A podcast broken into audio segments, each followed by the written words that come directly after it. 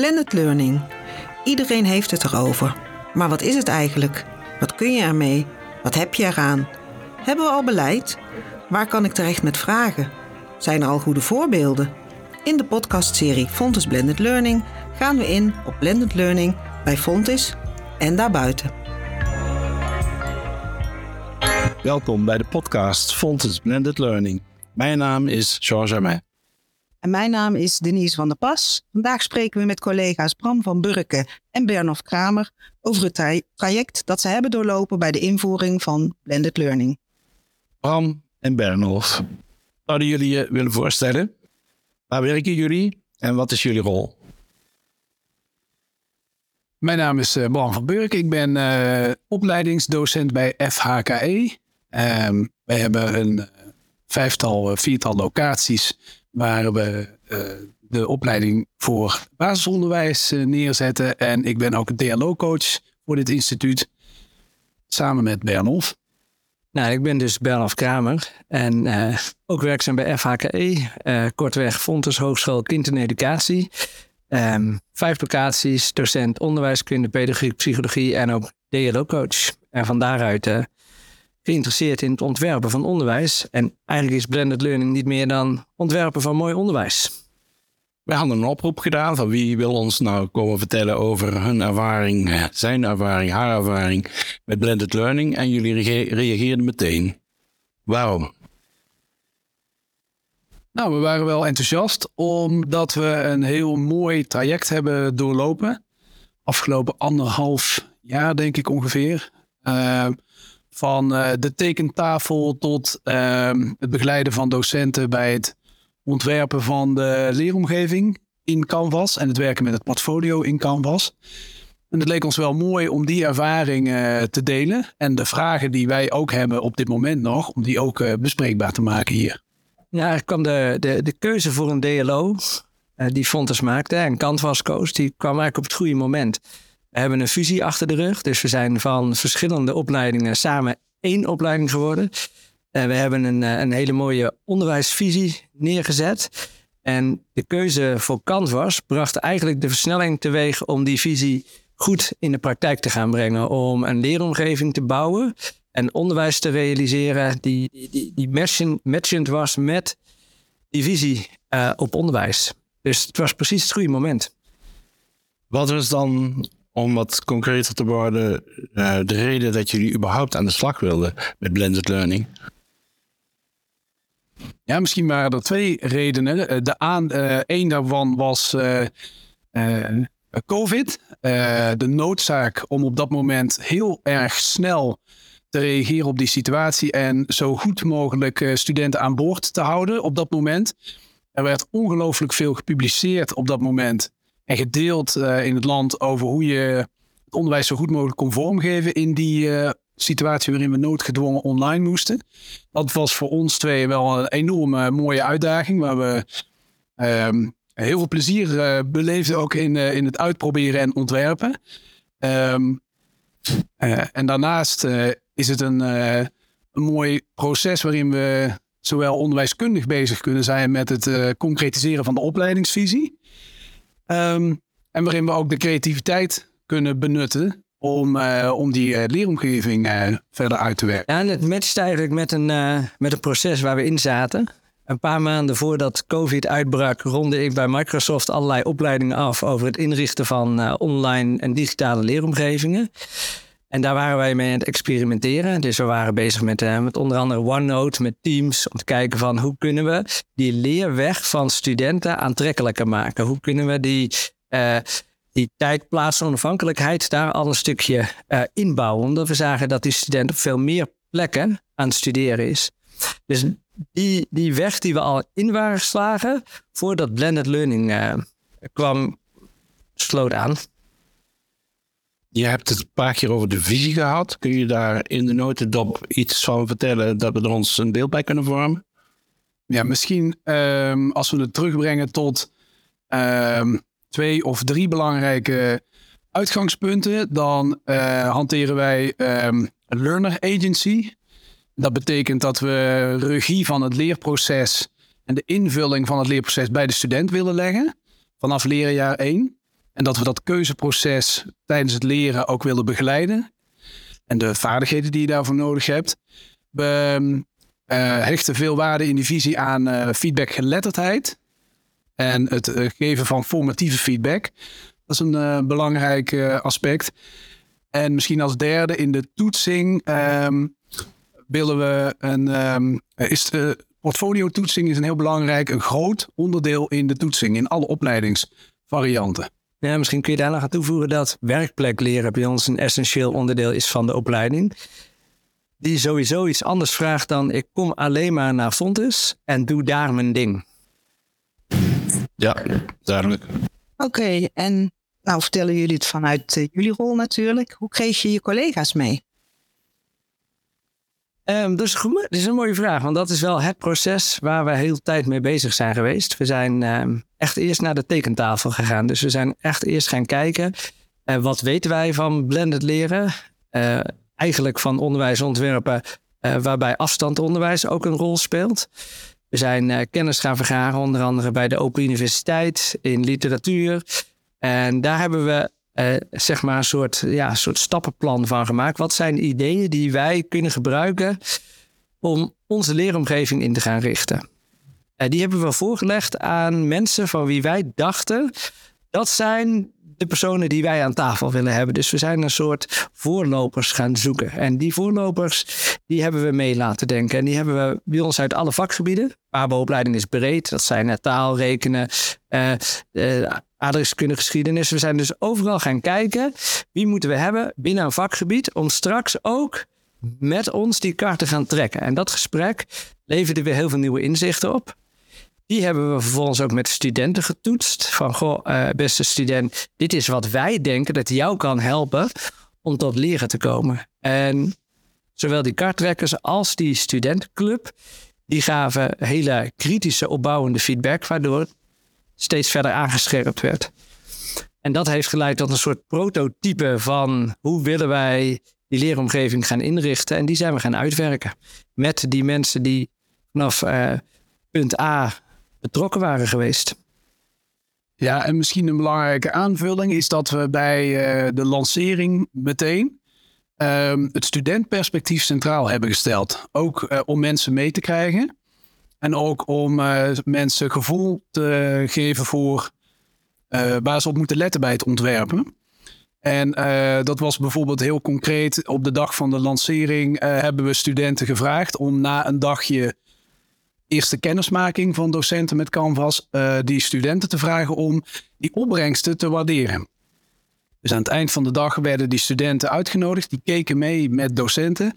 En die eerste reacties van studenten waren ongelooflijk positief. En uh, die waren enthousiast. En dat heeft bij een aantal docenten die nog wat sceptisch waren, ook wel uh, heeft ertoe bijgedragen dat uh, mensen wel, wel mee wilden. Waar waren ze vooral enthousiast over? Nou, de groep die we hadden uitgenodigd, die had voorheen een leeromgeving die bestond uit de portal, SharePoint, Teams. Waarin docenten vooral die omgeving hadden ingericht als uh, opslag, als archiefkast voor PowerPoints en materialen die in het belang van de docent. Dat zien we veel, ja. Ja, in ja, Als je niet oplet, gebeurt dat bij Canvas uh, soms weer. en die studenten waren heel erg blij um, um, over de vindbaarheid en de eenduidigheid. Ja, ik kan me nog herinneren dat we in het voortraject spraken met studenten van uh, Tilburg University. En die gaven aan, er gaat heel veel energie verloren bij ons, omdat wij bij iedere docent moeten afvragen, hoe zou deze docent de leeromgeving gaan benutten en inrichten? En dat is tijd die je eigenlijk wil besteden aan leren, aan, aan, aan de studie. Dus we hebben ook een soort eenduidigheid gekozen in de vormgeving, zodat welk vak je ook volgt, dat er een template is dat overal de layout hetzelfde is. Dat je niet steeds opnieuw moet gaan zoeken naar wat wil die docent van mij en wat vraagt hij. En dat, dat waardeert de studenten. Een stukje duidelijkheid en simpelheid. En eenduidigheid. En eenduidigheid, ja. Echt uh, keep it stupid simple, zeggen wij wel eens. En dat waardeerden denk ik de docenten ook. Want zij werden daarmee geholpen bij de implementatie van Canvas. Ja, en je ziet gaandeweg het proces dat uh, je docenten constant moet wijzen uh, of hem moet helpen bij het kiezen van dat studentperspectief.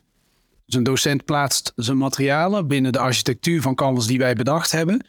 Maar uh, vervolgens is het heel nodig dat je constant de vraag blijft stellen: en hoe helpt dit de student en wat ervaart de student als, als de student deze materialen hier op deze manier ziet staan?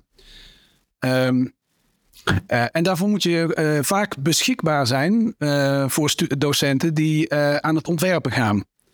Die beschikbaarheid geven wij op dit moment vorm door bijvoorbeeld te modereren. Dus het werk van docenten in Canvas voorzien wij nu van feedback en we nodigen die collega dan uit om met een kop koffie bijvoorbeeld even naar hun werk te kijken.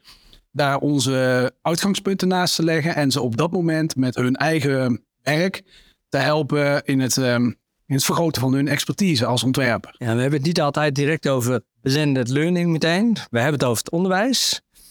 En wat wij mooi vinden aan die blended learning wave, die hebben wij opgedeeld in drie lagen. Namelijk je hebt fontes, werkplek leren en uh, op een andere plek. En die proberen we steeds te benadrukken. Wat is de leerreis van een student en hoe beweegt hij zich door het onderwijs heen? En hoe hangt dat in die verschillende lagen dan ook samen? En als je het daarover gaat hebben met collega's, dan gaan ze meteen aan.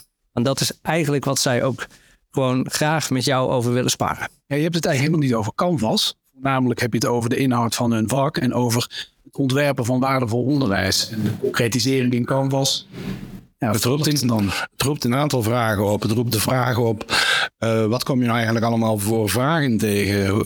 Uh, je hebt de docenten die er misschien net voor het eerst aan ruiken. Um, anderen die ervaren zijn. Er roept ook de vraag uh, op, van voor welke blend kies je dan? Hè? En ik vind het heel herkenbaar. Je zegt, we hebben het niet over canvas of allerlei technische termen. We hebben het over onderwijs. Maar als je vanuit blenden denkt, dan denk je ook vanuit handig en effectief combineren van online en face-to-face, synchroon, asynchroon. Zou je daar iets over kunnen vertellen? Ja, we hebben natuurlijk verschillende opleidingsvarianten. Onze snel groeiende groep is zijnstromers, mensen die, uh, uh, die op een andere plek eigenlijk hun studie doen, namelijk in een school. En die hebben heel veel behoefte aan die tijd en plaats onafhankelijke. Dus we hebben bij de inrichting van uh, de hele leeromgeving ook heel bewust gekozen dat wij onze kennisbasis, die landelijk zijn vastgesteld, ook willen ontsluiten op een tijd- en plaats onafhankelijke manier. Daar hebben we over nagedacht. Hoe willen we dat doen? Wat vraagt dat? Want dat vraagt dat je uh, in de textueel alleen goed aanpast. Dat het niet gaat over je begint met dit en dan doe je dit. Uh, in, mijn, in mijn les doe je dit, want je hebt die lesactiviteit niet. Dus je vraagt van die student om een andere reis te maken. Daar moet je over nadenken. Uh, de andere cursussen die wij ingericht hebben, dat zijn meer de synchrone cursussen. Ja, dat vraagt andere ontwerpvaardigheden. En dat is het gesprek wel wat we hebben. Uh, we hebben daar ook in het begin gezegd, we gaan het niet te moeilijk maken. Dus ons bestaande onderwijs gaan we in eerste instantie omzetten. Dus we hebben een heleboel in de leeromgeving ook even uitgezet. En dat gaan we langzaam nu toevoegen. Dus we, we, hebben uh, een dat keep it stupid simple fenomeen. Hebben we heel veel mogelijkheden uh, even on hold gezet. En langzaam zien we nu collega's die daarmee gaan experimenteren en die, uh, die verder willen. Dus we hebben heel uitdrukkelijk nagedacht over die blend. Hoe zit het dan met docenten die eigenlijk nog steeds denken van nou, moet dit nou? Of zijn die er niet meer? Nou, we komen uh, bij het modereren op dit moment komen we ehm, hele diverse uh, ontwerpen tegen in, in, uh, in hoe dat is uitgewerkt en de kwaliteit daarvan. En of het wel al een beetje richting een blend gaat die we voor ogen hebben. Die verschillen zijn enorm. En we merken eigenlijk dat alle collega's die in Canvas hun materialen wegzetten en die van ons feedback krijgen en die uitgenodigd worden om met ons even daarnaar te kijken, dat die die um, manier van ondersteunen als heel uh, helpend en positief ervaren. Dus uh, de docent die dan in zo'n gesprek zijn onzekerheid deelt, maar ik ben niet zo goed met de ICT, ik heb die vaardigheden niet. Uh, de docent die ook inhoudelijk een aantal vragen blijft stellen van waarom is dit nodig en waarom uh, hebben jullie standaardisatie ingevoerd, past dat wel bij flexibilisering? Die helpen we eigenlijk in gesprek steeds een stap verder op het moment dat we hun eerste probeersels, hun werk als vertrekpunt nemen. En het is opvallend dat bij ons eigenlijk die Dat weerstand... Ja, die weerstand die is weg. Ja, en we hebben het ook wel met ons management over. Uh, Fontes heeft een keus gemaakt. En we hadden het daar in de auto nog over. Over voor de blend fitte docent. Wat vraagt dat van die docent? Wat vraagt dat ook in het hele ontwikkeltraject van docenten in professionalisering? Dus wij willen iets, wij streven iets na. En wij zien namelijk ook wel collega's die soms onbewust uh, gewoon nog niet zo vaardig zijn daarin. Nou, en dat is wel een ontwikkelvraag waar, waar iets mee moet gebeuren. Hoe krijg je die collega's ook een stapje verder? Met als doel dat uiteindelijk die student tot beter leren komt. En als je nou eens, sorry, Denise, zeg het maar. Sorry, ja. En ik was al benieuwd hoe de student er nu in staat. Want in het begin waren ze enthousiast bij de lancering, hadden jullie het eerder over. Nu zijn jullie dus anderhalf jaar verder. Hoe ervaren zij het nu? Uh, toevallig had ik het er gisteren met, niet met een student, maar met een collega over die in de deeltijd werkt. We waren van een van de vakken de omgeving verder aan het inrichten voor asynchroon gebruik. Dat is voor de deeltijd uh, enorm belangrijk. En die merkt, die collega, dat studenten meer en meer gebruik maken van die omgeving. De omgeving die losstaat van het lesaanbod wat je volgt. Uh, dus dat wordt gewaardeerd. Um, en het enige wat we terugkrijgen als uh, studenten um, nu echt vastlopen is uh, dat er een aantal onderdelen van die leeromgeving nog niet klaar zijn. Uh, of gewoon een dode link geven, omdat we gewoon nog niet zo ver zijn met het bouwen. En wat betekent dat ze in de leeromgeving aan het werk zijn? Want anders hadden ze die dode link op de portal op SharePoint nooit gevonden. het grote verschil wat studenten ook teruggeven is een PowerPoint alleen maar uploaden en daar dan maar je weg in zien te vinden, dat was niet blended leren. Een template waarin je meegenomen wordt in onderwijs, dat waarderen ze. Dat geven ze terug van hey, ik, ik, ik kom tot uh, eigenaarschap, ik kom tot, tot ontwikkeling, ik kan iets vinden en dat levert nieuwe vragen op. Ja. Als je dan nog, uh, ja zeg maar Bram. Nou, misschien uh, als we vooruitblikken naar de agenda voor komend jaar dan uh, zien we nog, uh, uh, hebben we nog vragen liggen in overleg met ons MT en een curriculumcommissie op het gebied van professionalisering van, uh, van docenten, op het gebied van ICT-vaardigheden en ontwerpskills, zich eigen maken daarvan.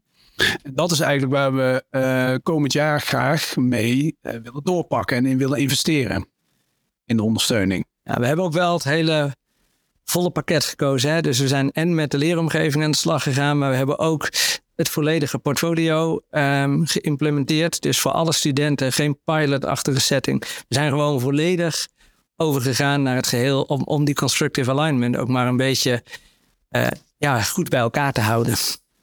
En dat het werkt. Nou, dat met die vooruitblik en wat jij nog toevoegt, Bernhoff, dat klinkt al als een mooie afronding. Maar ik heb nog één laatste vraag.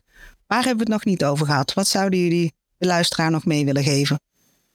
Nou, we hadden het net ook op de weg hier naartoe nog over een uh, aspect wat uh, onderwijskundig ook van belang is in het doorontwikkelen van Canvas. Um, dat is de aandacht voor uh, studievaardigheden en activeren van studenten en ondersteunen bij dat activeren van studenten bij het effectief studeren. Er is een behoorlijk wat bekend en wordt veel gedeeld over effectieve studiestrategie op dit moment vanuit cognitieve leertheorie. Dat is relevant, los van Canvas voor je onderwijs, in het hoger onderwijs, om daar iets mee te doen. Onze vraag is ook, hoe kun je in Canvas en in de begeleiding van de lessen eh, die, uh, die je verzorgt op locatie, dat inbouwen in het, uh, in, uh, in het onderwijs en in de leeromgeving? overschat studenten niet. Um, en dan denk even aan het stukje digitale geletterdheid, wat nu uh, een, uh, in opkomst is en, en, wat geborgd moet gaan worden. Studenten zijn minder vaardig ook dan je denkt. Dus uh, dat heeft alles te maken met die leerstrategieën.